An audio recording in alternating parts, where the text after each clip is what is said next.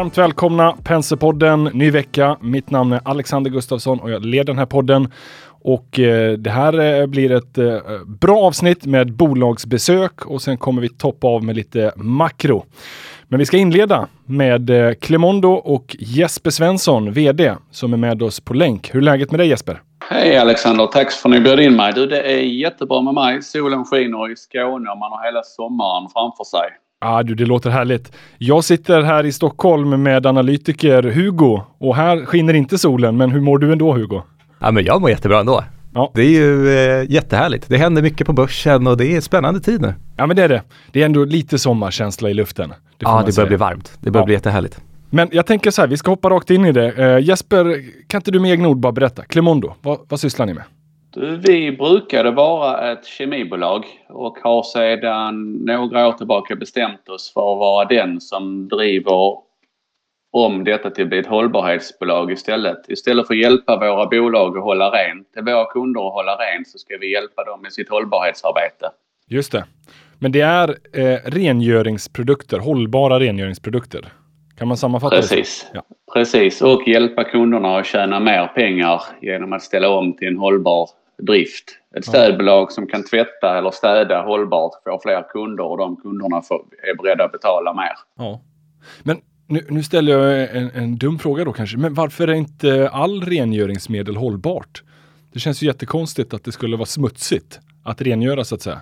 Ja, nej men i hundra år har vi ju städat och så har vi förstört vår planet. Under tiden vi städar rent så har vi smutsat ner vår natur. Så tänker vi att det inte ser ut i, imorgon längre. Nej, det, det låter som en helt rätt inställning. Men jag, jag tänker så här, eh, pris, det är ju alltid en faktor som man behöver ta hänsyn till. Och eh, berätta gärna lite sådär, era produkter nu, de är helt hållbara. Vad, vad får det för effekt på priset?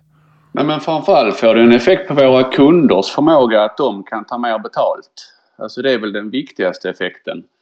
Eh, och då spelar det ju inte så jättestor roll vad våra produkter kostar om kunderna kan tjäna mer pengar med våra produkter än med smutsiga produkter. Men sen har vi valt att prissätta oss 5-10% högre än traditionella produkter. Och vad, Vi vill få en snabb genomslag. just det. och vad är det då som skiljer era produkter som är miljövänliga, hållbara produkter mot eh, de ja, konkurrenter och med de traditionella produkterna som inte är lika rena? I steg ett, det här är ju en resa, man går inte från noll till perfekt över, över en natt. Så i steg ett har vi tagit bort petroleumbasen kan man säga. Det ingår i princip petroleum i alla rengöringsprodukter som finns. Det är ungefär 25 procent i snitt är petroleum. Och det tar vi bort, den petroleumandelen. Och nu är vi uppe så att det motsvarar att vi sparar våra kunder 50 000 liter petroleum i månaden i den storleksordningen. Oj, ja det är mycket. Och om man ser till eh, inköpspriser här, blir det, har ni billigare insatsvaror nu när ni inte har petroleum eller hur ser det ut? Jag skulle ändå säga att eh, man betalar eh, lite, lite grann mer för att de miljövänligare ämnena. Om man tittar på rena råvaran. Men sen kan du säga att sänka din energiförbrukning i tillverkningen gör ju att du sparar pengar. Ja, just det. Och på tal om inköpspriser, hur, har eh, ja, men senaste en, två åren inflation, ha- har det liksom stabiliserat sig, eh, sig för er? Eller hur, ser påverkan ut där? Ja, det rör sig hela tiden. Men den stora bilden är att eh, prisökningarna har stabiliserats och, plana, och håller på att plana ut. Just det. Och om vi då pratar om att ni gör rengöringsmedel. Till vilka säljer ni rengöringsmedlet? Har ni några speciella sektorer? Säljer ni till slutkonsumenter eller bara till, eh, till andra företagskunder eller hur ser det ut? Vi försöker hålla bilar rena, eh, det vill säga fordonsbranschen. Och så försöker vi att människor ska vara rena och det gör vi via sjuk, eh, offentliga vårdverksamheter. Tvätta patienter, tvätta stolar, tvätta lokaler och sen så tvätta industrier. Just det. Men, men vilka, vi- vi- vart, är liksom, vart ligger större delen av omsättningen? För det har för mig bilar och personhygien va? Precis ja, drygt en bit mer än hälften är fordon och en tredjedel är hygien och eh, 10-15 procent är industri. Just det. Och kunden här är ju då bilhandlar eller biltvättstationerna så att säga. Precis, stämmer. Ja. Och är det då framförallt sådana som man tänker sig OKQ8 och deras tvättstationer eller är det mer det här att tvätta själv-stationer eller är det de som tvättar bilen åt den? Alltså huvuddelen av vår avsättningsmarknad är där äh, bilar byter ägare kan man säga. Eh, varje bil som säljs har ju tagits in, även om den är ny så tvättas den och så sminkas den innan den säljs. Och när de säljer den nya bilen får de in en begagnad bil som ska tvättas och sminkas. Så där är cirka 60% av vår försäljning sker i det ägarbytestillfället. Och övrig är allmän biltvätt kan man säga. För rent spontant så tänker man ju att en vanlig biltvätt, en tvättautomat känns ju som det perfekta för er. Är det någonting som ni siktar mot eller hur tänker ni där? Ja, men vår uppfattning är att den automattvättsaffären är ungefär halva marknaden och den kan man ju inte låta vara orörd över tid. Så vi har gjort små inbrott på den eh, marknaden de senaste två åren men där är mycket kvar att göra.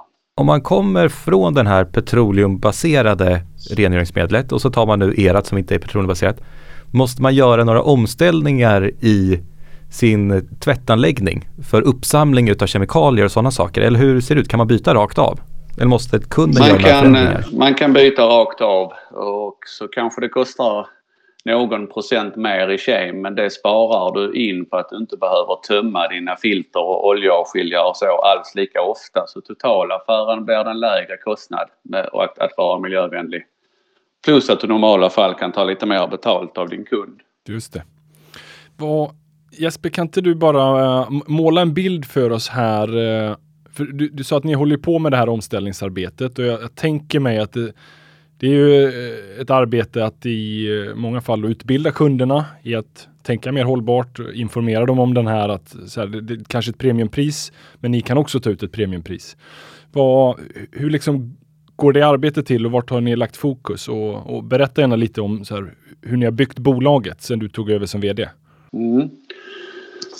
Men jag tror det som är ändras det är att innan var beslutsfattandet skedde av de som utförde själva tvätten. Historiskt är det så det ser ut. Och när det blir en hållbarhetsfråga och eh, så, så blir det en ledningsfråga.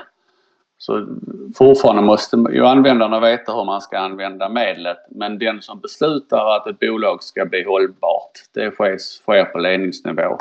Så där har vi ju börjat, behövt utveckla vår förmåga att röra oss på den nivån. Det har vi inte gjort historiskt.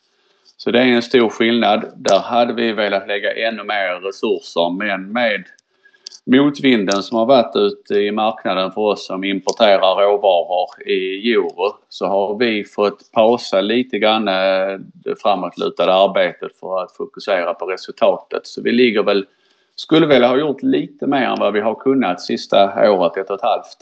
Och hur ser det ut nu här framöver? Euron är fortfarande väldigt hög, men vi har sett att eh, ja, men petroleumpriser och energipriser generellt sett har ju kommit ner här. Är det någonting som ni också märker av och gynnas av? Eller hur, eh, hur ser det ut rent eh, kostnadsmässigt nu?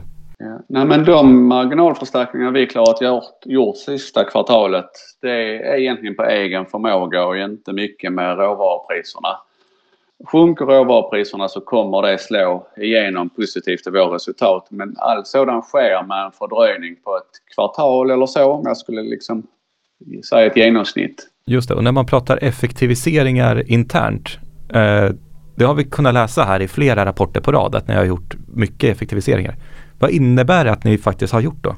Nej, men jag tror den viktigaste effektiviseringen man kan göra för vilket bolag det än är, det är att sluta göra sådant som inte skapar värde för kunden.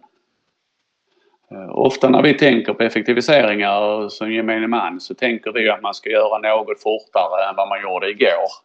Men jag tror de största vinsterna är att sluta göra saker som inte skapar värde. Det är den allra största effektiviseringen man kan, eller det är där de stora vinsterna ligger behöver du ha de där sista 100 produkterna eller 10 produkterna eh, måste du leverera på en timme eller går det bra att leverera på två timmar?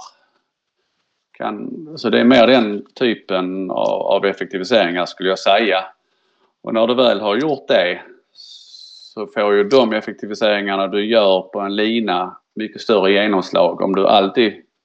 Om du ska anpassa en produktionslina för ett, en produkt eller du ska göra det för hundra produkter så får ju du mer avkastning för de pengarna du lägger ner i, i din produktionsanläggning. Just det. För att jag tänker en annan del av effektiviseringen eh, som man kan läsa i rapporten i alla fall, det är att ni har blivit ganska mycket färre anställda. Hänger det också ihop med den här att man har tagit bort lite produkter och effektiviserat produktionslinan så att säga?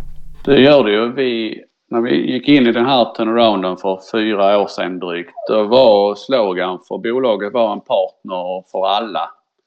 Och det är väldigt resurskrävande. Att vara bra för alla om inte omöjligt. Så nu, gör, nu har vi ju bestämt oss för vad vi ska vara duktiga på, vilka kunder vi ska vara duktiga på och så vidare. Och då behöver du inte vara lika mycket folk när du inte ska vara bra på allt. Nej. Och, och den här eh, effektiviseringen och, och allting sånt, det, all produktion sker ju här i Sverige va? Så att, eh... Vi har ju några kompletteringsprodukter men jag skulle säga 90 procent eller så, eller drygt 90 procent tillverkas i Sverige. Ah, okay. Men, men, känner ni nu att det arbetet är gjort och nu kan vi eh, blicka framåt, jobba med försäljning, jobba med nykundanskaffning och, och serva de befintliga kunderna? Men på hög nivå, absolut, är det så. Sen blir det väl så att effektiviseringen blir man aldrig 100% färdig med. Men liksom med de stora penseldragen så är vi vid den skiljelinjen nu. Att vi är färdiga. Nu kan vi börja satsa på topline. Ja. Spännande. Och när vi pratar topline så tänker jag att vi går in på ert eh, gröna segment för fordon. Mm. Där ert produktsortiment heter Greenium. Det har ju vuxit Precis. väldigt mycket här sista tiden. Hur tänker ni kring vad har ni tagit för lärdomar av den utvecklingen ni har haft för att ta det vidare och få Greenium att växa ännu mer? En del är faktiskt en ren eh, resursfråga. Eh, som jag sa så säljs det i huvudsak till ledningsgrupp och vi har för låg bandbredd eh, liksom för att kunna öka den hastigheten. Så så fort nu bruttomar vi får bruttomarginalen med oss så kommer vi stoppa in, öka förmågan och jobba med den frågan. Mm. Och eh, jag, tänker, jag vill bara liksom eh, eh, Hugo, du har ju liksom följt eh, bolaget och eh, vad, vad, är din känsla? Vad är det marknaden eventuellt missar eller misstolkar av bolaget? Finns det någon sån? Ja, men för mig utifrån så tycker jag att de här effektiviseringarna som har gjorts internt ja. har gjort eh, bolaget mycket mer stabilt. Idag är det ju skuldfritt. Eh, det finns en liten checkkredit men det är inte mycket. Och eh, man ser även nu då när man inte har lika mycket medvind varken i bruttomarginal eller topline från eh, omvärldsfaktorer mm. att man ändå höjer ebitda-marginalen. Så rörelseresultatet ökar ju.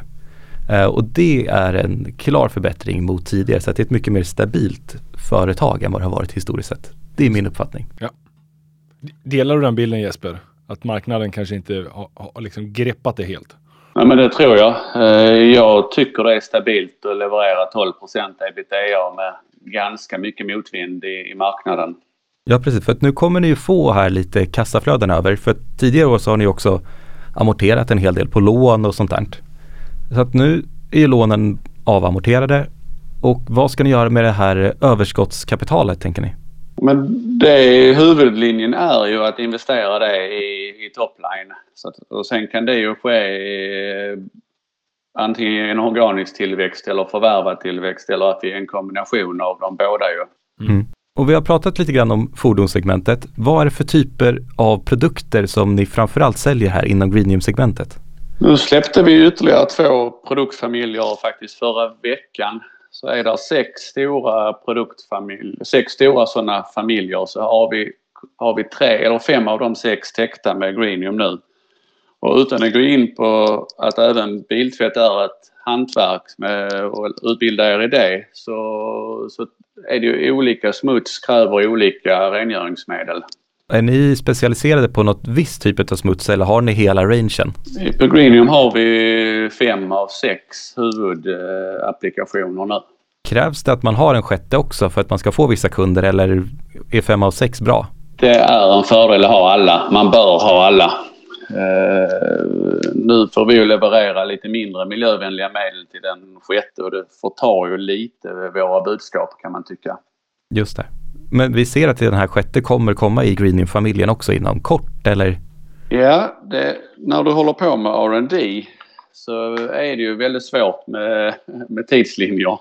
Eh, de är ju okända i sin natur men den kommer att komma. Eh, jag vågar inte här och nu lova om det tar några månader eller det tar året ut. Just det. Men, men det ligger i, i farans riktning så att säga. Det låter bra. Precis. Men ja. eh, jag, jag, tänker Jesper, om vi ska eh, avrundningsvis knyta ihop säcken lite och blicka framåt. Vad har, vad har ni för eh, finansiella målsättningar? Vad har ni för eh, ambitioner framåt? Men vi vill ha minst 10 ebitda. Jag tror vi ska kunna ha lite högre. Vi vill växa med 12 eh, per år. Eh, det tror inte jag blir några problem när vi dels förmåg, förmågan att lägga till förvärv och få pengar. När vi nu är färdiga med städ så kan vi lägga det, städa bolaget så kan vi lägga det på organisk tillväxt, all den energin. Och då kommer ju tillväxten också komma. Och sen har vi soliditet på 30 procent. Nu ligger vi på, jag kommer inte ihåg, ska vara ärlig, men 58-57 procent. Så där har vi ju gott, god marginal så att säga. Ja, spännande. Eh, Jesper, eh, stort tack för att du kom hit till Penserpodden. Tack för att jag fick lov att komma, Alexander. Ja, stort tack för det.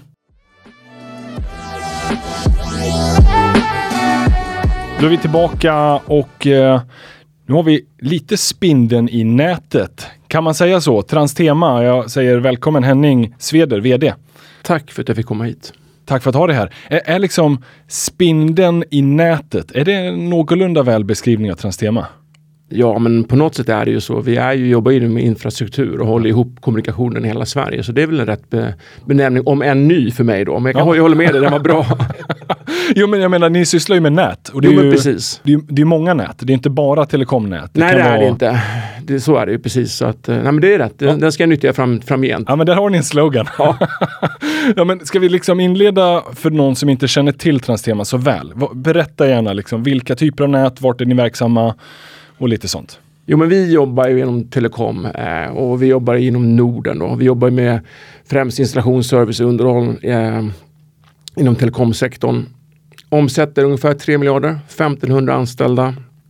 Når varenda svensk inom en timme eh, och säkrar att, att nätet fungerar. Eh, våra största kunder är sådana kunder som Telenor, Telia, Ericsson, Global Connect. Kända kunder inom telekom helt enkelt. Då. Mm.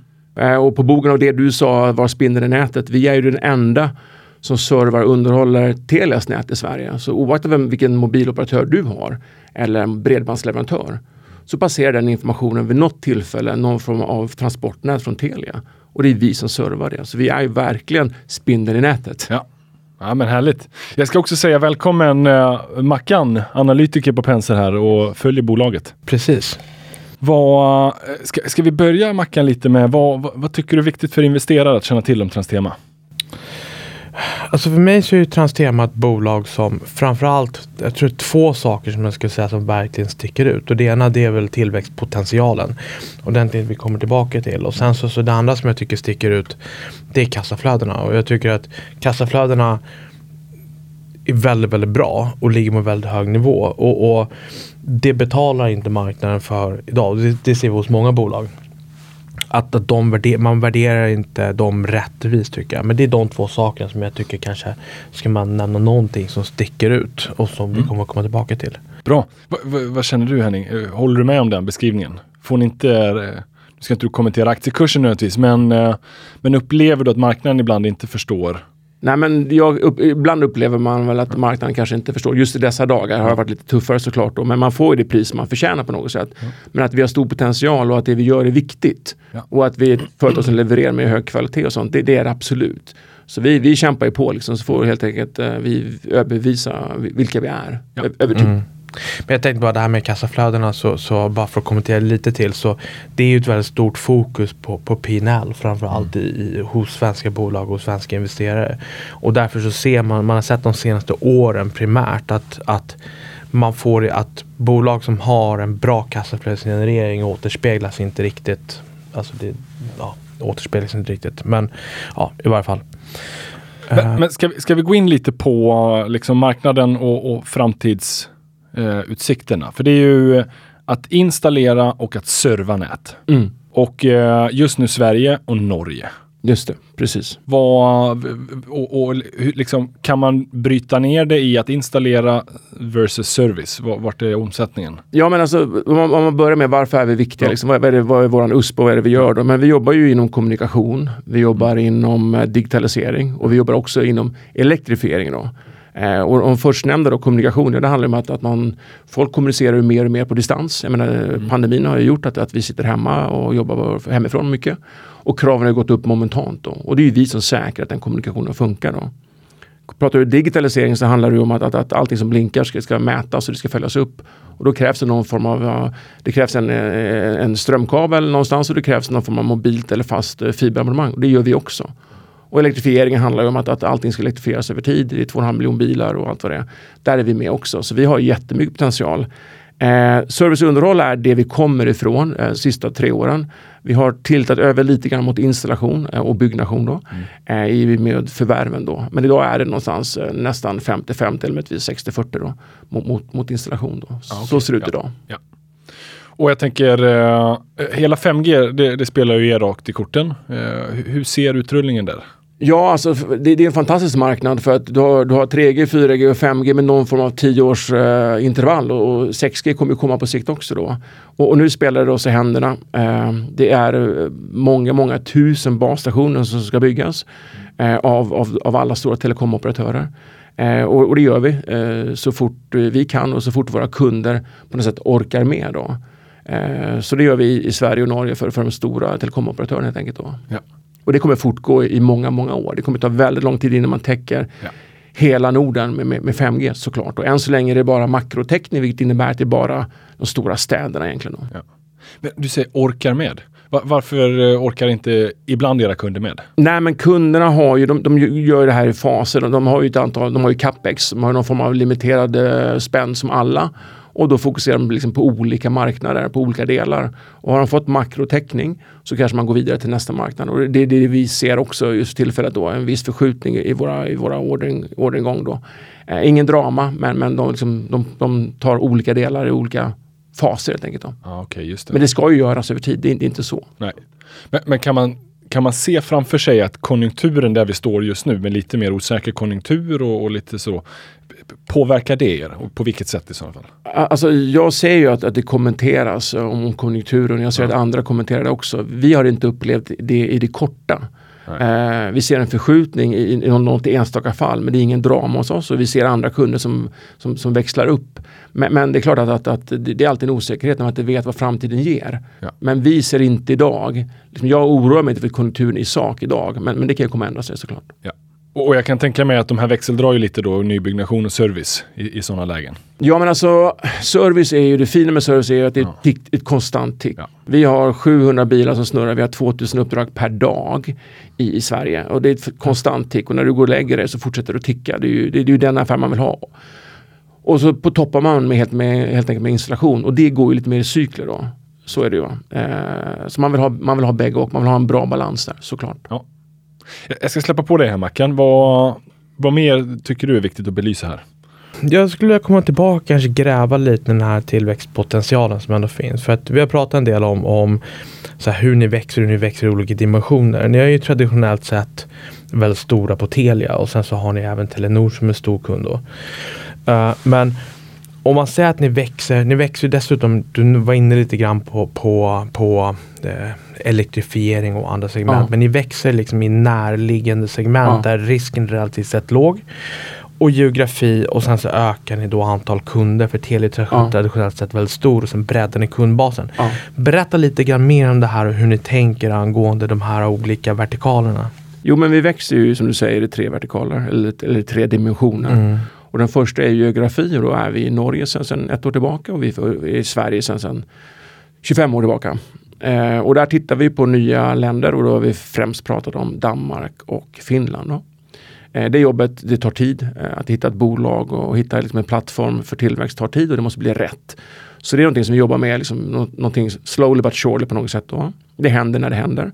Närliggande segment var du inne på. Jo men vi har ju gått lite vänster och lite höger. Vi är lite inne på elektrifiering, har köpt ett bolag där och är med på den resan och ser en jättepotential. Och där vill vi vara och där vill vi fortsätta utvecklas. Så det är kanske lite grann till höger då. Lite grann till vänster skulle kunna vara site maintenance där vi är inne och servar. Eh, men idag så, så, så servar och underhåller vi allting som blinkar i, i en telekombod eh, eller en teknikbod. Men vi kan också serva sånt som inte blinkar. Vatten, värme, lås, eh, larm, eh, AC och sånt. Så där är vi också på väg in då. För när vi ändå är ute och snurrar så kan vi göra det också. Så det är lite grann lite vänster och lite höger. Det är, eh, där vill jag inte gå för långt höger, för långt vänster. Det finns exempel på, på andra kollegor i branschen som har gått väldigt mycket vänster och höger och lämnar sin core. Vi är ett telekombolag. Vi vill vara där och våra kunder gillar det. Eh, så vi ska inte gå för mycket åt vänster och höger, eh, tänker jag. Tredje vertikalen är ju att, att nya kunder, liksom, om man säger så. Och vi har ju inte alla telekomkunder till att börja med. Vi har ju faktiskt ett antal telekombolag i Sverige som vi inte har. Eh, I Norge är vi, inne på, är vi inne på de tre stora. Sen finns det ju andra kunder såsom energibolag så som bygger stadsnät och annat. Då. Det är en jättepotential. Där är vi inne men det finns mer att göra. Eh, och det finns många andra stora företag i Sverige att, att, att, att, att attackera helt enkelt. Då. Och det är ju ganska enkelt. Eh, vi kan gå på befintlig kundstock men vi kan också hitta nya. Då. Eh, och sen är det det som kommer nu, det stora som kommer på sikt här med 5G är ju privata dedikerade nät. Vi tror ju och ser ju att, att stora företag kommer bygga egna nät för att säkra sin egen liksom, försörjning av mobilitet. Då. Eh, och där kan vi vara med på sikt när det drar igång. Då. Mm. Så vi har många alternativ, i våran, liksom, vi, har, vi, har, många verktyg i vår låda som, som, vi jobbar på aktivt och parallellt. Då. Och tittar man på de traditionella telekomoperatörerna, det vill säga Telia, Tele2, Elisa, TDC och så vidare. Ja. De är ju lite trögrörliga, så att säga. Ja. Eh, med, och hur, hur jobbar man för att komma in? Så att säga, om, om man, ja. Ja men alltså telekombolagen är trögrörliga, kanske inte så mycket på installation för där jobbar de ju liksom med, med ett par olika aktörer eh, av, av UE-karaktär då. Tänker man service och underhåll så är ju vi inne och kör deras core. Vi kör deras, deras, deras, uh, deras uh, driftunderhåll och övervakning av deras nät ibland. Och det måste fungera. Om det, inte, om det fungerar så går de inte ut och, och de, de, är inte bara ute efter pris. Tänker då. Mm. Så det är trögrörligt. Och hur kommer man in då? Ja, man kommer in genom att göra ett jäkligt bra jobb på andra kunder och så sprider sig. Det är det ena, men vi knackar ju dörr och vi träffar ju alla bolag. Vi, alla känner till oss idag, så var det inte för fem år sedan. Alla känner till oss, vi pratar med alla. Men vissa har sagt att vi, vi sitter bra i båten. Ja, då är det bra med det, men de känner till oss. Mm. Sen har vi förvärvat då Testa Connect i Norge. De har en stor kund i form av Telenor. Den kunden har vi tagit med oss till Sverige. Så nu är Telenor en kund till oss i Sverige också. Det var de inte tidigare. Eh, Telia är en stor kund, kund till oss i Sverige. Den tog vi med oss till Norge. Så de jobbar Testa Connect med Telia. Ett annat exempel är att vi köpte ett mindre bolag under hösten 2022 som heter Beck Service Underhåll. Jobbar med Coax. Och deras största kund är Comhem eller Tele2. Och då kommer vi in på Tele2 och nu får vi prata med Tele2 om andra saker också. Så vi kan dels knacka dörr och dels kan vi liksom ta oss in genom förvärv. Och det där funkar. Och vårt rykte har liksom på något sätt det har spridit sig att vi är långsiktiga, vi har långa relationer och vi är duktiga på det vi gör. Så att idag får vi prata med alla. Men det är inte alla som är tillgängliga för ett skifte på service och underhåll. Bygg är lite enklare att komma in på. Mm. Och fortsätter bygg här så Norge, de två norska förvärven UB och Testa. Så ökade, du pratar om att det ökade installationsbyggbiten kom så här upp i storlek. Det stämmer. Vad, vad mer betyder, det är två stora förvärv. Jag tycker att åtminstone Testa är lite kanske transformativ karaktär. Berätta lite mer om Testa och UB Connect och vad det betyder för, för er framtid. Men, men Testa var ju vårt plattformsförvärv för att komma in i Norge. Vi behövde ha ett, ett större chunk eh, mm. med management och ordning och reda och så. Eh, de jobbar ju som du säger med, med, med fast fiber. Då.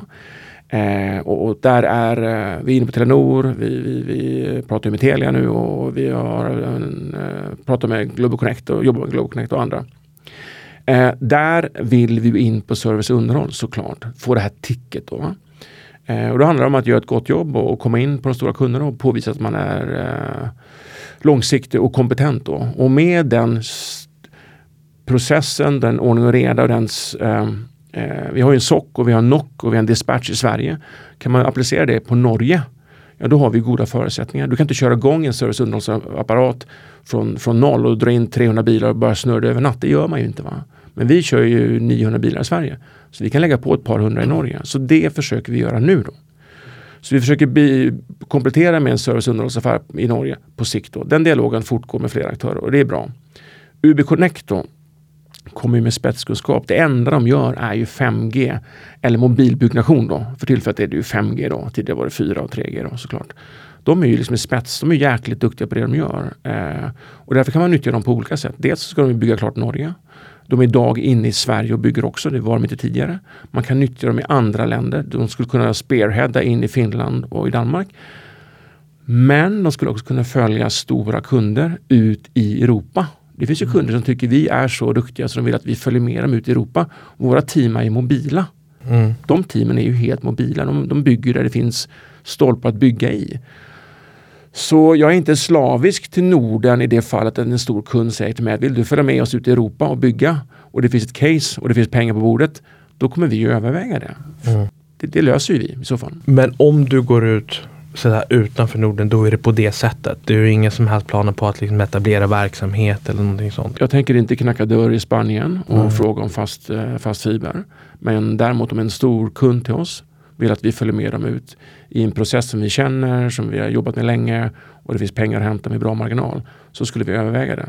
Mm. Vi, vi, är ju kundlojala och följer våra kunder i, vi pratar ju 10-20 år i de flesta fall. Om vi kommer tillbaka grann konjunkturen, så vi nämnde konjunkturen, många pratar konjunktur. Mm. Och, och, vi har ju kopparnät som fortfarande finns kvar, eh, åtminstone i Sverige till viss del. De håller på att stängas ner vilket har drivit fibreringen. De måste ersätta med någonting. Yes. Den delen måste väl ändå vara helt och hållet konjunkturoberoende. Den måste fortsätta fortgå i oförminskad skala. Tänker du på fibreringen i sig? Ja. Jo men alltså först och främst, då, kopparn är på väg ner. Man, man pratar mot 2026 och det är något som vi har känt till i, om inte tio år så fem år i alla fall. Mm. Och den avslutades i Norge den 12 december förra året så vi vet ju att det här, det här rullar ju på. Liksom. Eh, och det planerar vi för. Och, och, det innebär att, att vi letar nya affärer för att komplettera. Men det innebär också tyvärr att vi då vid, vid vissa givna tillfällen får minska vår styrka med, med koppartekniker. Och, och, och, så är det helt enkelt. Då. Och det har skett nu här under, under vinter och vår bland annat. Då.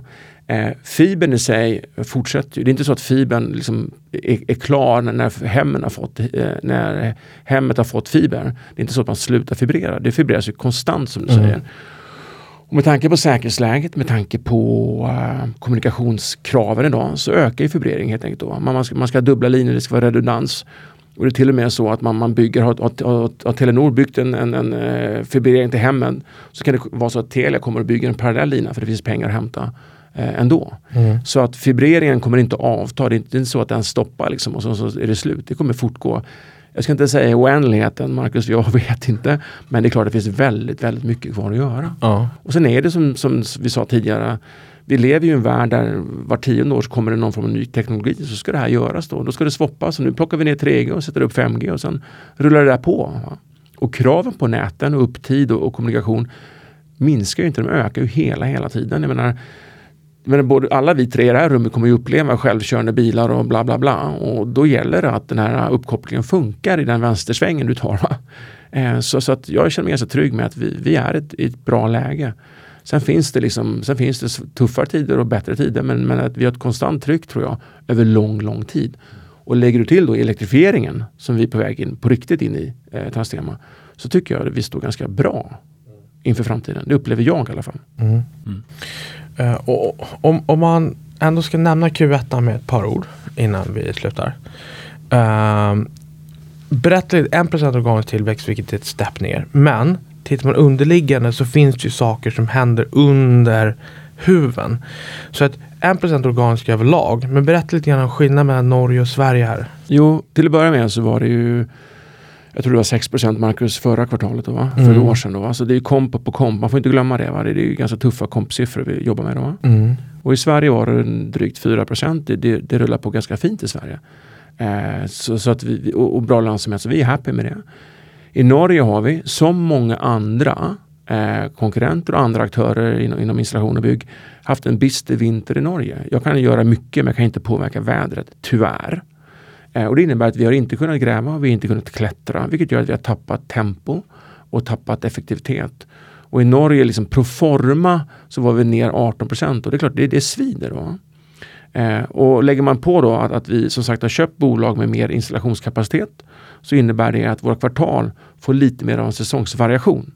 Mm. Och då är det så att, att, att Q1 är oftast lite lägre och lite mer volatil beroende på väder och vind. Q2 och Q3 är lite mer stabila. Q4 är oftast ett väldigt bra kvartal då, i den här nischen då, inom installation och servicebygg. Då.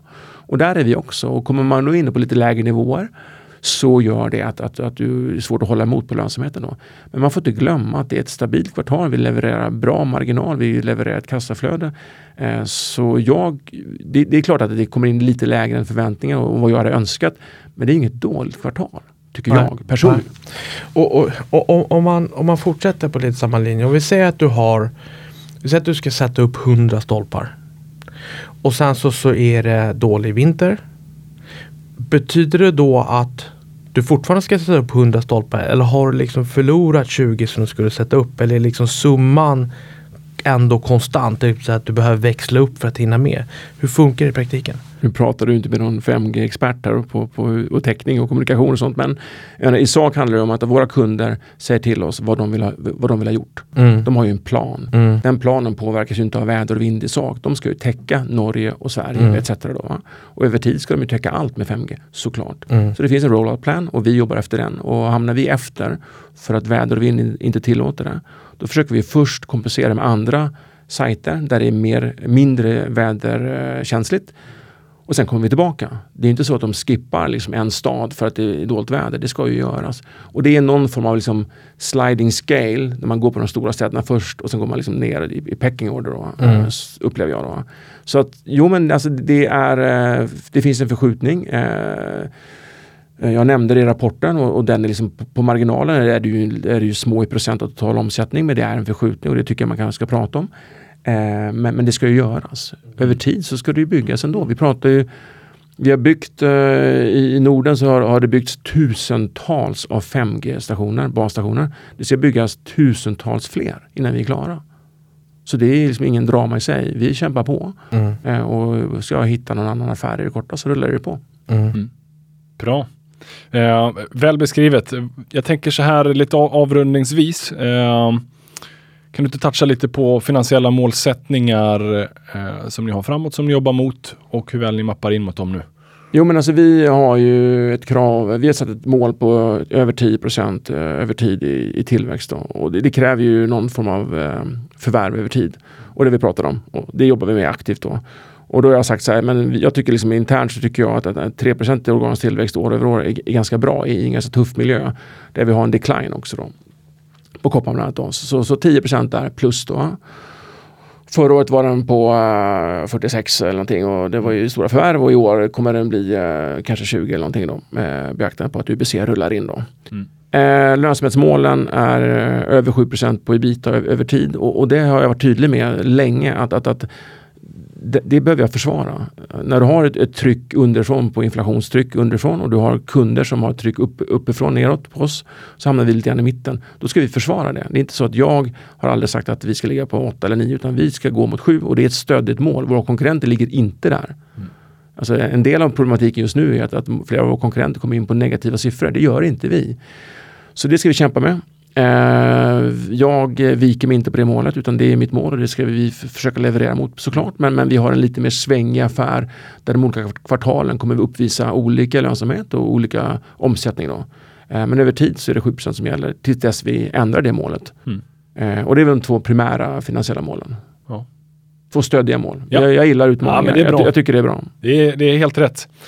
Eh, bra. Stort tack Henning för att du kom hit till Penserpodden.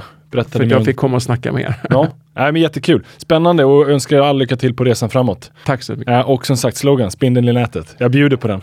Tack. Stort tack för det. Då är vi tillbaka och eh, välkommen in i studion Jonas Thulin. Hej, tack för att vara här. Du, jä- jävligt kul att ha dig här. Ja. Det finns, eh, finns mycket vi ska snacka om här nu. Ja, Eh, en del... men, men hyfsat kort ändå så vi inte bränner av någon stackars lyssnare på en gång. Nej, men, men det är inte någon stackars lyssnare. De är nyfikna, precis som Ja. jag är. Eh, Ja, det finns som- mycket att titta på. vad som pågår i ditt huvud just nu. Vad du, Ja, vad du tänker på, vilka datapunkter du sitter på. precis, precis. Men, men ska vi någonstans, eh, ska vi börja i änden, det är maj, Den Ja. klassiska sägen, sell in May and stay away. Ja. Vad säger du? Utmärkt strategi om man eh, gör så i 11 år och får in en europeisk eh, bank eller skuldkris på sommaren under något av de här 11 åren. Då funkar det. I alla andra lägen funkar det mindre bra. Ja. Går börsen upp dessutom inför sommaren så har du ett statistiskt extremt motlut till den gamla klyschan. Tittar man på globala aktier då är det här ren, ren nonsens. Eh, tittar man på amerikanska aktier då är det ju galen eh, som säljer av i maj och, och inte har några aktier under sommaren. Så det här är ett, inte ens ett svenskt fenomen, det här är ett europeiskt fenomen givet att och det förstår man om man tittar tillbaka historiskt. De kriser som har kommit har ofta smält på somrarna. Eh, och, och det är det som gör den här, den här tesen. Så det är väl jag rädd en sån här klyscha som har dykt upp någonstans eh, som vi har väldigt svårt att ska- skaka av oss Ja. egentligen. Men rent statistiskt så, så är det ingenting vi eh, Nej. följer. Nej, nej, och jag tänkte säga det vore ju helt tokigt om man skulle missa ett, ett halvår. För det är klart att det kan hända saker eh, och det Det kan det kanske liksom så här ligger någonting att utdelningar trillar in här under mars, april och maj och sen Ja. Liksom eh, skulle det eh, falla tillbaka. Men, det, finns, eh, det ja. finns en hel del, framförallt nu i närtid, jag tycker det är lite kul att tänka så här också för att eh, vi har ju haft en ganska konstruktiv och positiv till Mm. Och, och det är lite kul att, att fundera igenom nu som, som lyssnare också, om man står med 100 kronor första i första 2020 och så tittar man, ska, och så vet man allt som händer. Kriget, pandemin, lockdowns och alltihopa. Och så får man då valet, ska jag köpa räntor eller ska jag köpa börs? Eh, och då kan du titta fram tills idag då så kan vi konstatera att eh, om vi tittar på globala räntor och global börs så är det maximum drawdown, alltså maximala förlusten i båda de här tillgångslagen är identisk. Minus ungefär 18 procent. Eh, du har högre volatilitet i räntor. Du har positiv avkastning på börs. Så riskjusterat och absolut avkastande så är börs det du ska ha ägt med dina 100 kronor. Du ska inte ha haft 80-20, du ska ha haft 60-40, du ska ha haft 100% i börs. Ja. Vilket ju är, tror jag, en liten utmanande tanke. Med tanke på att börsen går upp och ner och vi vet vad som händer i omvärlden och alltihopa. Men det är lite kul nu med facit i handen och, och titta tillbaks till, till 2020 och se att ja, de som har kört all in är ju de också sjukt nog kan man tycka riskjusterade totala vinnarna. Och det är någonting jag tror man ska ha med sig i, i när man tittar på eller lyssnar på svensk media som ju har guldmedalj i bäsiga eh, kring, kring börs och annat. Så, så är det att komma ihåg att eh, det är där vinnarna finns. Men, men nu är ju det då, eh, vad blir det, 14 månader, 16 månader eh, ungefär. Det är ju ett relativt kort tidsspann. 2020. Ja men jag menar det, från januari 2020 fram tills idag. Det är väl 16 månader snabbt räknat. Nej, det är 2023. Ja, men pr- pratar vi inte januari 2022 till Nej, idag? 2020. Ja ah, okej, ja 2020, oj, Ja. ja. men nu missade jag helt. Ja, ja. Ja, alltså det är enormt fler än, än Ja men 12 precis, för månader. då är det ju, ja men då är det tre år Ja, och det är ganska liksom. speciellt. Och, Ja. och det, det är det som är lite kul också för att de här sista åren omkullkastar ju ganska mycket av vad ska man kalla för eh, gammaldags, man kan vara lite elak och säga Ja. trött portföljteori och allt annat. Så du måste jobba mycket mer aktivt tycker vi i portföljerna. Så, så att det är det här sätter ju också säljer mig i lite perspektivet. Att vem är galen nog att göra det nu när du vet att bevisligen är det som varit det vinnande konceptet de senaste tre åren trots allt som har hänt. Eh, framförallt också om att ta in volatiliteten. Du har ju nästan tre, under den här tidsperioden om vi nollställer klockverket och det här är ju alltid vad det är, det är värt vad det är värt. Men om man nollställer klockan i vol till första första 2020 så har du då ungefär tre gånger så hög volatilitet på räntor än på börs. Mm. Vilket ju säger sitt språk också om, om, att även för de som vill ha stabil avkastning Ja. så är börs att föredra. Ja. Och, och, och i vilket perspektiv ska man stoppa in råvaror och alternativa tillgångar då? Eh, Ja, vi använder det som absolut komplement och, och det är det som också kunnat få oss att hålla kvar exempelvis i börsen under 2022. Tack vare att alternativen gick så fantastiskt bra så väger det upp och då får man ännu mindre stress. Och lite grann som vi, vi då med, med en envishet tjatade om 2022 att givet att räntorna går lika dåligt så måste vi välja sitt gift här lite grann. Och med, med tillräckligt mycket alternativa så är det lättare att jobba med korta positioner, hedgar, valutaoverlays i aktier än vad det är i räntor.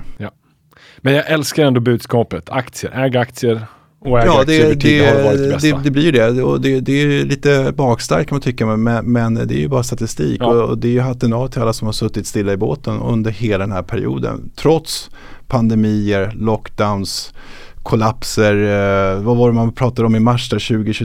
2020 det var väl badkarscenario, alla de här dumheterna som folk körde med L-scenarion och U-scenarion. ja, Det, just det, det. alla hela de det här. BÄS-kollektivet som fick ju däng där då också. Ja. Det, det är lite Mm. intressant ehm, att, att, börsen är ändå, och det, och det finns och det här är det egentligen in på samma massa konspirationsteorier på att har vi råd Nej. att börsen går ner? Är det därför man hela tiden kommer med så nu efter bankoron, man kommer så mycket likviditet för att alla inser det att vi har samhällsekonomiskt inte råd. Äh, Ja, nu är man inne på sådana här tassemarker i rent Ja, men- konspirationsteorier, men det är lite Vad menar intressant. Ja, det, det är lite grann som att vi vet att USA har ju inte råd att inflationen går upp alldeles för högt för att det Nej. ligger alldeles för mycket indexerade sociala välfärdsprogram mot inflationen. Så att vid en viss inflationsnivå så måste man få ner inflationen och få ner räntorna. Eh, och, och det ligger hela tiden som ett spöke i räntemarknaden. Varför då räntorna också tränat ner bland annat från 1980-talet.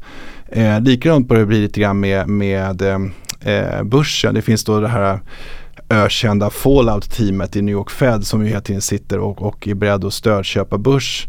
Det här är ju sådana här, eh, Men det har de inte det är ingenting de skulle säga Nej. rakt ut men enligt marknaden så är det här en vedertagen teori. Eh, hur mycket det kan vara vedertagen men, men det snackar sig extremt mycket om det att det, det finns hela tiden som safety-proppar i marknaden för att alla förstår att skulle börsen nu gå ner och då försvinner 401ks, det försvinner det svenska PPM-systemet. Alltså som ett samhälle så har vi inte riktigt råd med det här och då finns det eh, triggers i amerikansk marknad. Och, det här, och varför jag då pratar om New York Fed det är ju för att det är de som är ansvariga för, för market operations och det här är ju ingen det här är ingen jätte, de refererar själva till den här gruppen i tal alltihopa. Så det finns ju liksom krismedvetenhet kring det här som, som är ganska utbredd. Så då, då, nu ska jag säga utbredd i Asien och eh, Kina jobbar lite likadant eh, och, och USA lite mindre så i Europa eller Sverige. Här har vi det makroekonomiska rådet eller de heter. Ja, Men men, tror inte så de, direkt de gör nog liksom, ett, mot de, är- nej, de är nog aldrig inne i marknaden.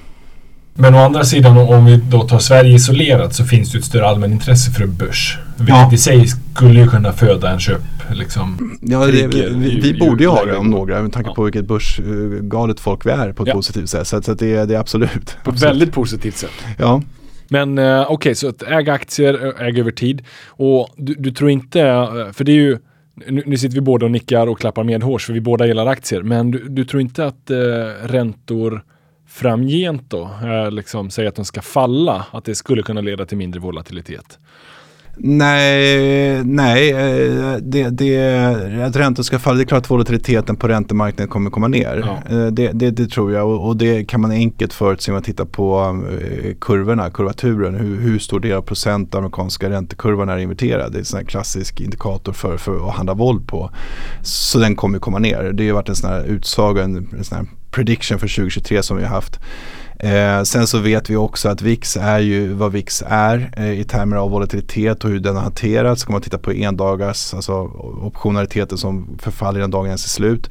Så VIX har ju fått massa problem med sig också. Så att, eh, återigen, det här är ju lite grann som, som en skottkärnanalys i, i efterhand.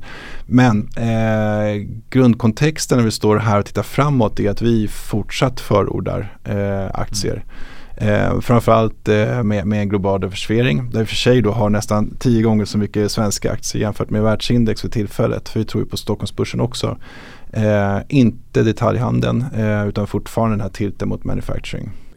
Och om vi är uppe på global nivå då, vart Ja. ser du potential om man mm, liksom plockar Europa, USA, Asien som tre Ja, separata det fack? roliga nu är att eh, idag här på morgonen så har vi ju eh, att Japan når sin högsta nivå sedan 1990. Eh, vi har ganska stora positioner i Japan. Mm. Alltså Eh, når det- sin högsta börsnivå? Eller Ja. vad? ja. Sedan 1990 så att det är en sån här eh, celebration här idag. Jag hoppas ni alla har varit med på det. eh, Men fortfarande tåget. toppen 80 är en bit ifrån. Den är en bit från. Eh, men bara, bara det att, och det får ju folk då börja fundera på, tänk om vi bryter ur rangen i, i Japan. Liksom. Mm. Det, det har vi inte, vi är inte vana vid att, att Japan är ett hett eh, investeringsland. Men nu är det faktiskt ett av de, det har varit en tid ett, ett av de absolut starkaste trenderna. Sen har vi valt att allokera in i Indien eh, och, och det har ju gått som, som tåget med över en och en halv procent bara på, på en vecka. Är ett, ett, ett land som verkar vara helt opåverkat av det som händer i termer av konjunkturbäs. Utan, Mm. utan bara rulla på och det tycker vi är superspännande. Sen är vi inne i fortfarande med mycket amerikansk tech, artificiell intelligens och growth och allt sånt här. Ehm, och sen har vi kvar eh, delar i Europa eh, som vi fortfarande tycker är intressanta som fortfarande klarar av att slå världsindex ska då vara Ja. viktigt att komma ihåg. Men inget Kina där hörde jag. Jo, vi har en liten steg kvar i Kina. Eh, Kina tog vi ju en stopploss på i eh, oktober under partikonferensen men vi valde en liten bit ligga kvar för vi tycker att givet de den studsen vi såg skulle komma i Kina och den som vi nu också ser rent makroekonomiskt och likviditetsmässigt så borde det eh, vara bättre för kinesisk börs. Den har kommit tillbaka men ligger fortfarande ner ska, ska jag kommentera.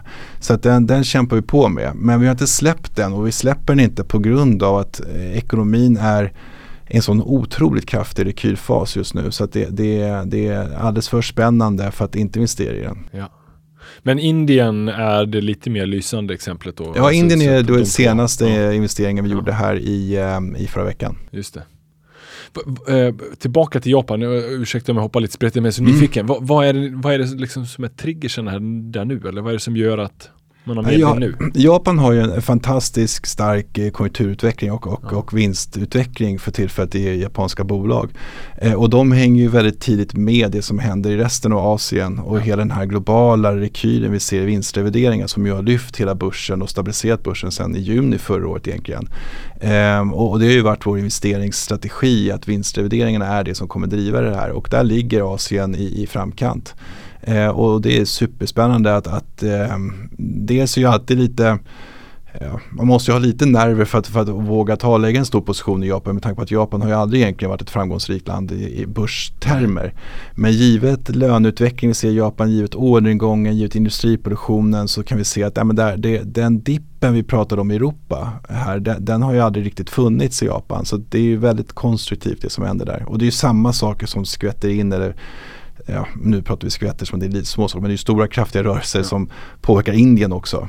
Eh, så det, det, det är oerhört spännande. Sen så borde ju Kina gå bättre givet att det är det som är motorn till alltihopa. Men där har vi ju ganska stora problem. Dels med kapitalflöden eh, ur ett ESG, Ryssland och, och Ukraina och hela den här situationen som kommer in. Att tvättar man bort allting och försöker ha till någon typ av ESG-filter för att få bort det här.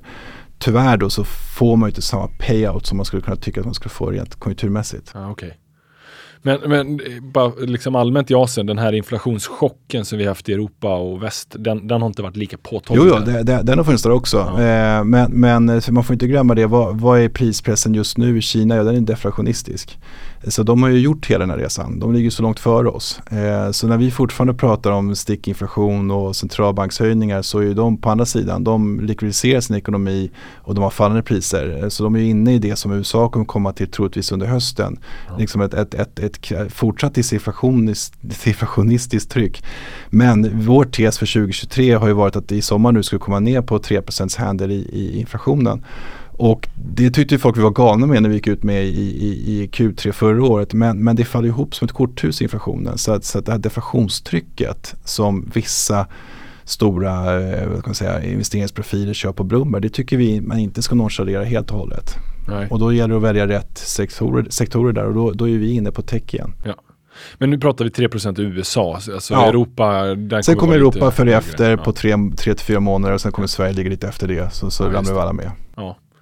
Eh, men på tal om Kina och Asien, eh, reservvaluta. Eh, liksom, dollarn är, är den allmänt accepterade valuta man nominerar råvaror och, och annat i det där. Ja, Vad, liksom, eh, vad, är- vad är din take på kinesiska? ja det, det där Ja. kommer ju upp eh, och det finns ju jätteroliga grafer man kan kolla på. Liksom, Kina var ju reservvalutan fram till 1850 ungefär eh, Ja. och det finns olika periodiciteter kring, kring vilken är den rådande valutan och alltihopa. Eh, kommer det störas eller störas? Ja, om man ska bli så här nördig, vilket ju vi gillar att vara, då, då följer med alla Swift-betalningar för att se vilka valutor gör vi all världshandel i och då är det fortfarande tveklöst så att det, det är dollarn egentligen helt opåverkad. Nu använder ju Ki- Kina och Ryssland exempelvis inte Swift längre, de har byggt upp sitt eget system så att, då får man lägga till den datan. Men när man tittar på allt det här så är det väl en, en tes som är intressant eh, med ganska lite traction i marknaden just nu. Ja, okej. ja. Men en vacker dag kanske kommer så att eh, det är med på tapeten. Ja, Eh, Men, så- men så man ska ha med sig betalningsflödena för det är ju en ny, det är ju en, eh, det är en, det är en het potatis så att säga. Och vad skulle då USA göra som motaktion? Men, men i reella termer så ser vi inte någon så här jättestor... Nej, jag, jag tycker, nej. Nej. Man kan ju alltid måla upp scenarier och, och bli orolig och, och, och rädd för saker och ting. Men, men går man ner till data och så tittar man så här, ja men vad händer på riktigt? Och så Ja. ser man att, ja, ingenting i stort sett. Ja men då, då kanske vi inte ska oroa oss eller, eller framförallt inte allokera efter det. För, för då tror jag att man kan gå riktigt galet. Eh, ungefär som var negativ till börsen. Ja. ja, ja för för ju, den kommentaren kommer jag inte få äta upp. nej, ja, det finns ju någon som alltid har rätt någon gång en kort månad där absolut, börsen absolut, går ner. absolut. Men att vara kort i börsen beständigt över tid, Nej, det, det har det, inte betalat. Nej, inte, inte, inte så mycket. Och det som är så spännande under, under de här åren tycker jag, jag tycker det är så talande för att det här sätter ju, det, det resonemanget jag förde tidigare om räntor mot aktier, det sätter ju hela liksom, liksom portföljteorier lite grann i gungning på men vad händer nu om vi inte kommer få det som vi har sett sedan 83, fallande räntor och stigande värde på, på räntepapper och den korrektionen som vi kunnat räkna med mot, mot börsen. Hur, vad händer då med alla Markowitz optimeringar, partiella eller fulla, hur man nu än räknar på det här. Det, det sätter ganska intressanta griller i huvudet och vi tror, och, och där är vi helt i samklang med Blackrock och andra st- större hus, eller väldigt mycket större hus. Det är det att vikten av taktisk allokering kommer bara öka. Du måste veta exakt var du tar risk och hur mycket och du måste jobba aktivt. Eh, för det på börsen nu exempelvis så kör vi spread trades, eh, så vi, vi är långa vissa butiker, eh, digital handel, vi är långa och vi är korta fysisk handel. Eh, jag tror att den typen av strategi kommer bli mer och mer talande på hur man kan jobba med, med, med investeringar än att sitta med det här gamla vanliga, ja men vi, är- vi tycker att det är lite läskigt i världen så vi är neutrala. Ja, det är en loose position. Eller vara underviktare, det är en dubbel loose position. Det är, det är som jag brukar säga, det är verbala snuttefiltar. Eh, kanske får du att sova gott men du tappar ju pengar på det. Eh, och inte ens ett krig och pandemi har varit tillräckligt för att ge dig rätt så att säga. Sen kan vi säga att ja, men det, är, det är bara på grund av inflation och jiddiade. Men, men det är just där portföljallokering skulle ha hjälpt dig. Eh, så det är lite, ja där, där, där tror jag att det kommer hända mycket och vi märker det tycker jag också på större hus, hur man tittar liksom på portföljteori, portföljsammansättningar på hur det utvecklas. Men att, att, att det kommer hända, men det har ju inte hänt än. Alltså det är ju fortfarande många som pratar om andel räntor och... Ja, det, och det gör vi också. Eh, men men det, det, det är en ganska stor skillnad där på hur hus pratar om det här. Eh, ser man på räntor exempelvis så kan man ju, det är en jätteskillnad om du som förvaltare eller hus har möjlighet att gå kort räntor. Eh, så vi kan ju ha pengar i räntor fast vi behöver inte vara långa, vi kan ju vara korta. Vi kan köra kurvor, eh, vi kan, köra, vi kan köra roll-down-strategier. Pratar man med en traditionell aktör, då pratar man om att ja, du köper en räntefond. Ja. Eh, du, du, du har inte positioner på en räntekurva eller, eller någonting annat lite mer bökigt. Även fast det är ju fondifierat och, och, och börshandlat och alltihopa. Så där, där tror jag att det kommer en ganska kraftig utvecklingstryck faktiskt. Ja, nej men det förstår jag. Och, och för det, jag tolkar det som att då är du också lite mer taktisk om du väljer att gå kort en ränta. Ja, Men det, jag menar så här, pensionssystemen är ju fortfarande rätt så här, viktade i att köpa både aktier och räntor Ja. och i olika balanser. ja, där skulle man kunna utmana svensk pensions, pensionsförvaltning och säga att vi, jag vet vilken, jag har en jättebra avkastning, stabil avkastning under för många år. Men ligger ribban rätt? Eh, ska den ligga högre Eh, för vad som faktiskt är möjligt i dagens marknad att skapa? Eller, eller lägre eh, beroende på hur man ser på, på, på långsiktigheten. Så hela den här ALM-kulturen på att matcha skulder och alltihopa det är ju jättespännande givet vad som hänt med korrelationerna nu. Och sen så ska man vara försiktig med det, det jag pratar om ska man inte heller dra ut med en krionkrita och säga att det vi har sett från 2020 fram tills idag är liksom sanning nästa tio åren. Men det är just där jag tror att mitt argument kommer in med att säga att det är vikten av det här det är ju att vara adaptiv eller agil då för att använda ett populärt ord. Eh, än, än att sitta fast i, i, i, i liksom förlegat portföljtänk. Ja. Och, och det är den viktigaste budskapet du vill skicka med och jag gillar det, att du äh, liksom trycker på det. Men jag, jag tycker också att det är ändå på sin plats att utmana lite det du gör. Den här idén av att räntor är stabilare än aktier. Mm. För det, uppenbarligen har det inte varit så. Nej, och man kan bara gå tillbaka till, eh, nu pratar vi globala räntor, vet man, ja men det var ju bara för inflationen nu, absolut. Men glöm inte heller vad som hände under pandemin med svensk räntemarknad Ja, med ja. total is, eh, isperiod man kunde inte ens sälja fonderna. Ja. Och nu har vi in, in, lagt in nya försäljningsregler som jag tycker ser sådär om i, i termerna när du ska sälja, vilka priser du kan sälja räntefond på om likviditeten försvinner. Så det, det, det har ju hänt saker också med regleringstrycket i, i hur kapitalmarknaden faktiskt kan arbeta. Och vi söker oss ju gärna till eh, likvida marknader eh, för att då kan vi komma in och ut utan att någon ser oss egentligen. Eh, det blir ju större och större problem i mindre och lite mer obskyra marknader. Det kan tycka svensk eh, företagsobligationsmarknad oftast hamnar exempelvis. Ja, ja. Men på, på tal om räntor, eh, Ja. om, om vi ska prata lite skuld och skuldtak. Ja, spännande. Eh, det är Mm. absolut spännande. Mm. Vad, liksom, eh, vart står vi där om vi Ja. pratar den amerikanska liksom, skuldtaket skuldtak, som man alltid ja. lyckas höja. Vad tror vi? Kommer de klara det där en gång till eller? Eh, ja, eh, kan vi gå vidare till nästa fråga. Nej, alltså det, här, det här är ju en, eh, varför man har det här 14 tillägget i Ja. grundlagen om att man alltid ska värna den nationella skulden. Det är på grund av inbördeskriget i USA. Sen så springer man in i första världskriget och man insåg att vi kan inte hålla på och godkänna varenda utgift som man skulle göra innan 1917. Så var man då tvungen att, att snabbt säga att ja, men vi kanske bara ska ha tak. Så, så kör man det 1917. Sen eh, 39-41 kommer då nästa tanke på att ja, men nu har vi ju ett världskrig, nu måste vi pumpa in fiskala medel här. Vi måste se, se på skuld på ett helt annat sätt så då ändrar man det igen.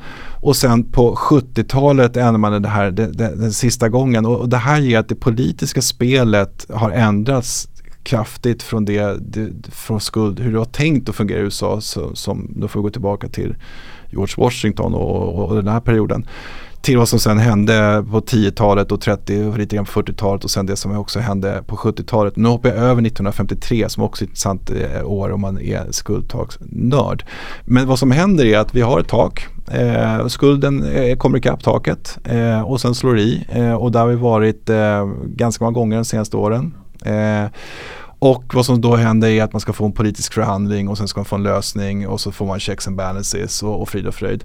Sen har tyvärr skuldtaket driftat iväg från budgetåret. Så det som var enklare förut var att det låg tillsammans och nu är det då en tes om att årets skuldtak, vi kanske bara ska rulla det fram till september. För att få budget, budgetarbetet och skuldtaket att sammanfalla i, i samma arbete. För då kan man ju få bättre kompromisser. Än att kompromissa nu kring budgetarbetet som ska komma igång och, och klubbas i september. Eh, och det där, det där ger att, att eh, just nu är det lite extra rörigt då. Ja. Plus, eh, då ska vi då glömma att det, man kan tycka att det är jäkligt konstigt att man inte vet när pengarna tar slut. Man borde ju veta när pengarna tar slut.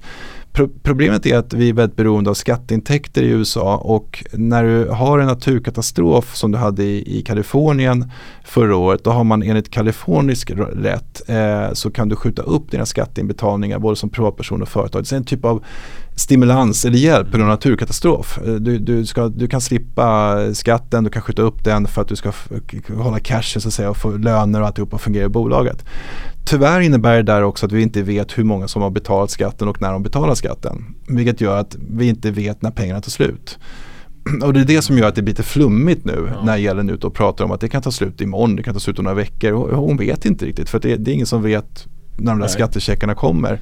Men, men bara så det är tydligt här nu, sen 70-talet då, eh, det, det finns inget faktiskt tak. Utan Nej, man, det- man det rullas hela tiden, Ja, ja. Det rullas hela tiden. Och det är det som var det nya som förändrades på 70-talet. Nej, Nej. Det, det har egentligen alltid varit förhandlat sen, Ja. sen eh, men på olika sätt Mm. eh, kan, kan man säga, med olika premisser. Eh, Men det nuvarande systemet vi har har, har legat då sen, sen 70-talet, vilket ju också gör att det är ganska mycket kritik mot att ja, men, vi kan inte jobba på samma sätt som vi gjorde på 70-talet.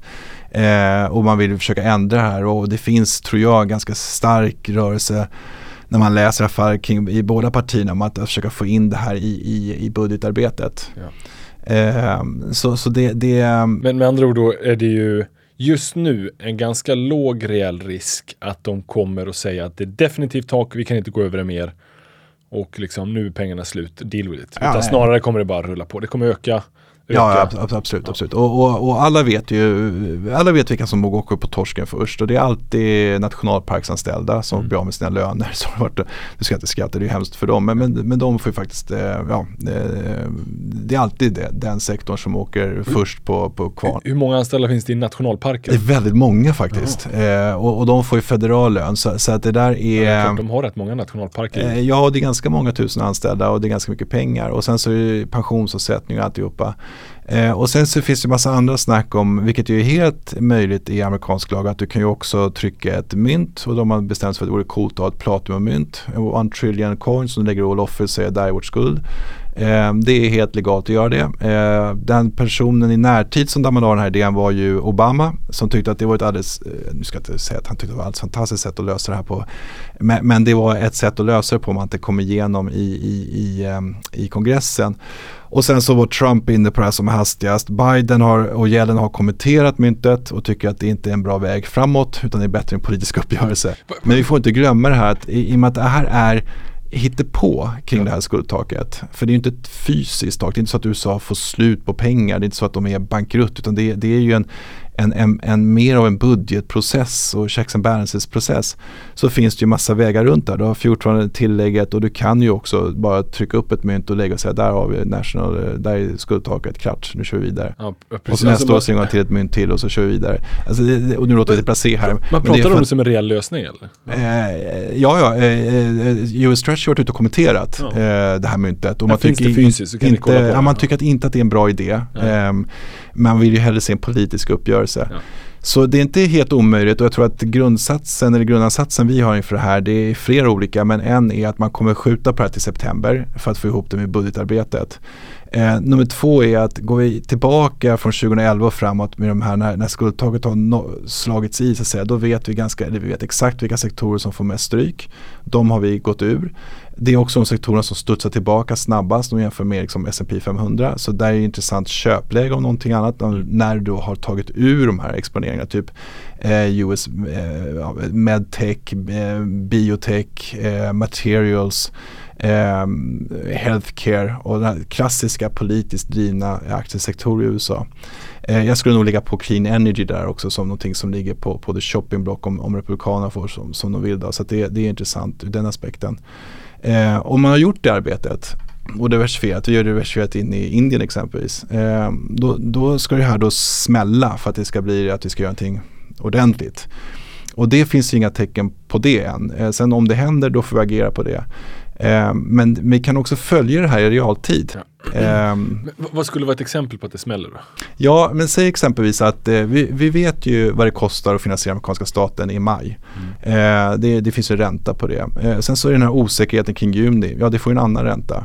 Och simsalabim har vi en spread som handlas tick by tick.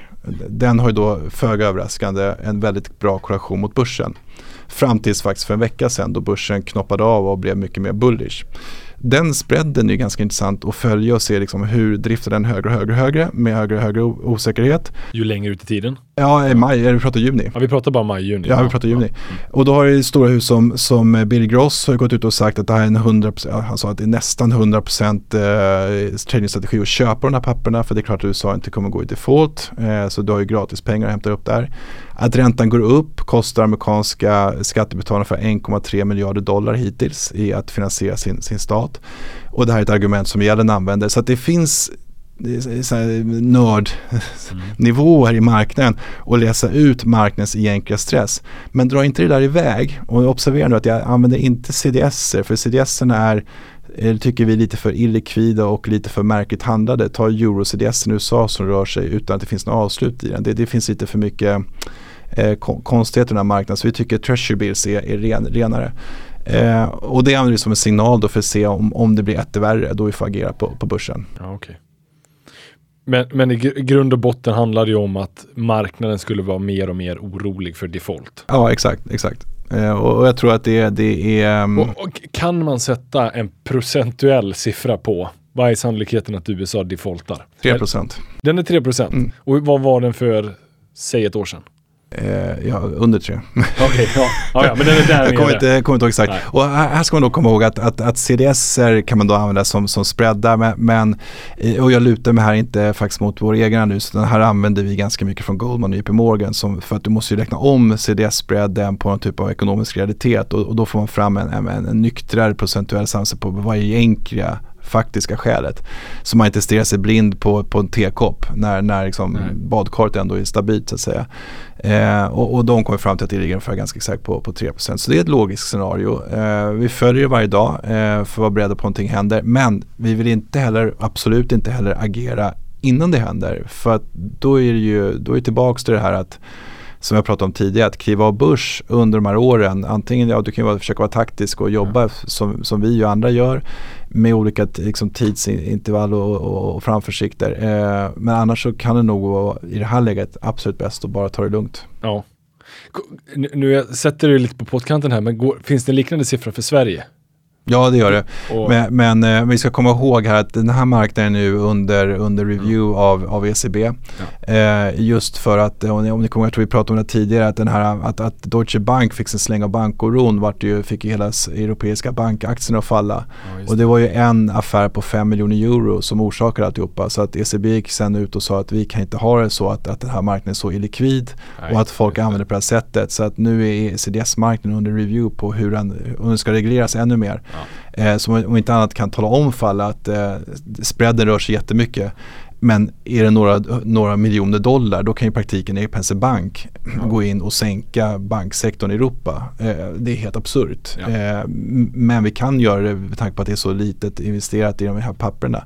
Så, så det där är, är, är eh, jag ska nog ta det där med en nypa salt. Ja, okej. Ja. ja, men jag fattar. Men det, det låter som att det är en låg sannolikhet då för USA och eh, det, det är snarare att vara bullish som gäller. Ja, eh, det tycker jag med, med, med rätt sektorer och rätt inriktningar som vanliga för att ta någon typ av, av, av, av, av, av brasklappar. När vi ändå är inne på temat skuld och utlåning. Mm. Eh, bankernas utlåningscykel. Kan, vi, kan vi toucha lite på också? Absolut. Och det tycker jag är jätteviktigt för att, för att jag gjorde en kundprestation igår då vi pratade ganska mycket om det här. För att det, nu skrivs det om, massor om att konkurserna stiger i USA, de kommer stiga och ja det ska de göra givet det, hur räntorna har gått. Och att bankutlåningen ska kontrahera och, och, och komma ner och växa negativt. Och det, ja, det ska de göra. Det, det fina i allt det här är att förutse amerikansk bankutlåningscykel och vad som är inprisat i marknaden är ganska enkelt. Så vi kan i, i dagsläget redan se den resan som ska komma av räntehöjningarna 2022 och hur mycket av det som är inprisat. Och där kan vi sedan sitta och takta och se liksom, blir det värre eller ligger det i linje med det som börsen har prisat. Är det ligger i linje med det som börsen har prisat, ja men glöm det här, det, är ingen, ingen börs som kommer handla på det här. Det, det man kan vara orolig för, då måste man gå ut liksom i, i, eh, i spetsen och säga att jo men bankoron kan göra det här etter värre. Eh, bankoron fick ju räntorna att eh, komma ner så redan där så vet jag att ja, men okej, men då, då funkar inte det argumentet. Då är det tillgången på likviditet då, att, att det ska liksom bli något, något problem där. Det finns inga belägg för det nu heller. Sen finns det då sådana här surveys, eh, Senior Loan Officer Survey som Federal Reserve gör. De frågar banker liksom, hur, hur, hur ser ni på bankutlåning och alltihopa. I årstakt händer ingenting, absoluta month on month siffror och, och grafmässigt, ja det har kommit en liten försämring men inte hela datan. Och, och det här någonstans som, jag, som man, om man ska bli bäsig så måste man helt enkelt räkna på att, att det här ska göra att financial conditions och alltihopa blir värre framöver. Givet den mängden likviditet som har skickats ut i systemet som är andra sidan av vågskålen, vilket jag tycker man glömmer ibland, så måste helt enkelt bankernas eh, förminskade lånevilja eh, vara större än den här likviditeten som har skjutits ut, lite roughly översatt. Eh, och, och det är det långt ifrån. Eh, så att hittills så är det ett orosargument som vi absolut lyssnar och monitorerar. Och vi vet att ja, kurserna ska stiga, vi vet ganska exakt hur mycket de ska stiga och vi vet att bankutlåningen ska sjunka, vi vet ganska exakt hur mycket den ska sjunka. Och vad som gäller att mappa upp nu det är att blir det värre eller ligger i linje med det marknaden har prisat. För ligger det i linje, återigen, ja, då, då kan du ha blivit nedskrämd eh, eller bortskrämd från börsen helt felaktigt. Eh, och, och det är någonting jag tror man ska vara försiktig med gi- givet historiken som vi har. Men, men hur mycket ska de minska med och i relativa termer? Ja, det ska ju ner nästan 14% på årstakt. Så det är en ganska rejäl sättning som ska komma i, i bankutlåningen. Eh, och, och säg eh, 21 2011 skuldkris i Europa. Vad, vad hände då med bankutlåning? Ja, eh, bra fråga. Det, det får jag nog kolla upp siffrorna på så jag inte sitter och, och, och det kan jag inte på rak arm. Eh, men, det är... Men det, men det är där i cykeln vi befinner oss. Att ja, de det, minskar. det, det, ska, det, absolut det ska ner. Men man får inte heller glömma då, det, det är ju inte för inte som räntemarknaden envisas med att lägga in räntesänkningar från Fed i början i Q4 i år och från ECB i Q1 nästa år. Och det är ju för att vi redan vet att det här ska hända. Och när det väl då händer, då räknar man att ja, men då kommer Fed kunna argumentera för att hörni, inflationen är under 3%, det, det här går ju alldeles fantastiskt bra, vi har blivit oroliga för, för, för deflation givet eh, prispressen från supply bottlenecks är ju nu deflationistiskt läge, Kina exporterar deflation. Eh, så vi, vi, måste kanske dels eh, ja, acceptera, eller vad ska jag säga, inte måste, men, men det är kul att kunna då konstatera att inflationen är, är slagen. Eh, och sen så kan man då oroa sig för att hörni, bankutlåning här går ju alldeles förskräckligt, det går ju jättedåligt, vi måste lätta upp kreditvillkoren i amerikansk ekonomi. Eh, det här har ju räntemarknaden förutsett eh, och med de här sänkningarna helt enkelt som man då envisas med att lägga in. Även fast Fed då går ut och pratar emot det hela tiden så rör sig inte räntemarknaden. Och det är för att alla vet att Feds jobb är ju nu att liksom talk tough för att slippa agera så värst mycket så, mer än vad de har gjort. Eh, och mitt i allt det här så, så skvalpar börsen på då. Och vi får inte heller glömma att börsen för oss eh, vände den ju i juni förra året på global basis. Världsindex var väl i september tror jag att gick ner och tog, tog nytt lägsta tyvärr. Men, men den här börstrenden som vi har den är ganska gammal och mogen just nu trots, trots allt. Eh, och inflationen i räntemarknaden pikade ju mars 2022. Så det, det, är ganska gamla trender vi pratar om eh, faktiskt. Okej, ett år tillbaka, det är gammalt. Ja, i termer av implicit inflation. För om, om du ska tillbaka till mars, april, maj förra året så är det väldigt få som gick ut och sa hörni, räntemarknaden har det under kontroll. Det, Nej, det, nej, det, det är pyspunka på inflationen, allting är fine. Vi smällde på med aktierna i juni samtidigt som vi fick in eh, högsta noteringen på inflationen just för att vi tänkte att det här är räntemarknaden kommer ha rätt. Eh, det är alldeles, det är alldeles eh, uppenbart att inflationen kommer komma ner. Vi hade massa makroekonomisk data bakom det där också. Och som tur var lyckades vi etablera vår börsbotten där, men globala börsbotten där. Eh, men jag tror att många mm, kan ha missat den och man missar nog säkert också Europas ja. recovery här under Q4, Q1 i år.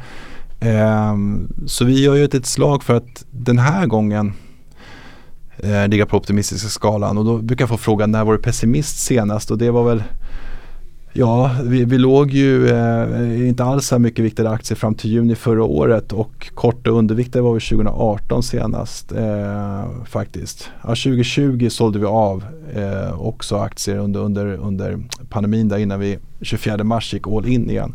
Så vi har hela tiden haft en tilt mot börsen men det är lite grann med den här baktanken vi har haft att Eh, att, att, att undervikta börs och missa studsdagarna det är eh, statistiskt sett betydligt tuffare ur ett index performance-tänk än, än, än att, att uh, liksom springa, springa och gömma sig hela tiden. Stor, stor, del av avkastningen skapas ju i de sämre tiderna. I sådana ja, här så är, det. Så, är, så är det.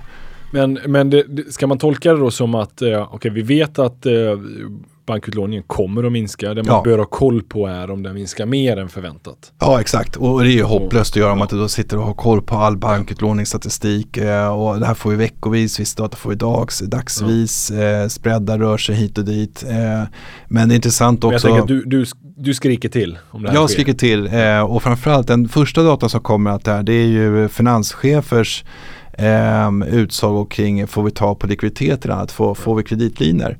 Och då kan man fråga sig hur den påverkas efter bankrån och då kan man säga att den, den knappt alls. Eh, så det är inte så att eh, bolagen aggregerat upplever de facto en tajtare basis, eller förlåt, eh, eh, eh likviditetsmarknad. Sen om du då tar, tar frågan, vilket man då oftast gör charts på, eh, som jag har sett som figurerar. Vad tror ni om tre månader? Och då får man alltid ungefär som Consumer Conference, ja då kan det bli värre. Eh, det är lite en hedge. Eh, men man ska vara försiktig med att tro att börsen kommer hamna på den datan. Eh, för börsen kommer nog gå på det som faktiskt gäller i ekonomin, eh, än någonting annat. Det, är, det är min personliga tolkning här nu. Ja. Eller personer, det är den vi implementerat i portföljerna. Ja, ja. Nej men du, eh, väldigt intressant. Eh, vi har hunnit toucha på en hel del, mycket kredit, men jag tolkar ändå som eh, fortsatt bullish börs. Sen ska man vara taktisk och, hitta sina rätta placeringar. Ja, precis.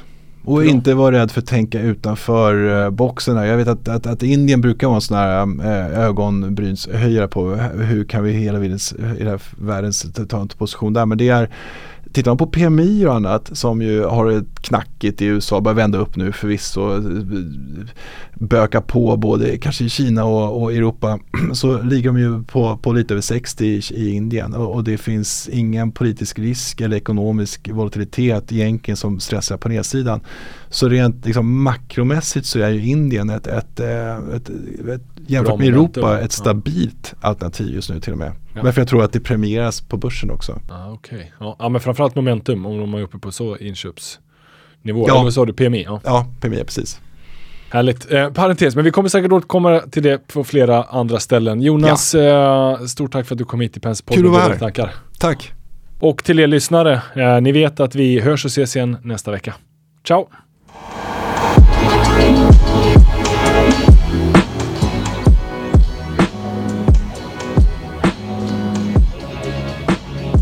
Denna podcast är utgiven av Erik Penser Bank och är avsedd att marknadsföra bankens tjänster.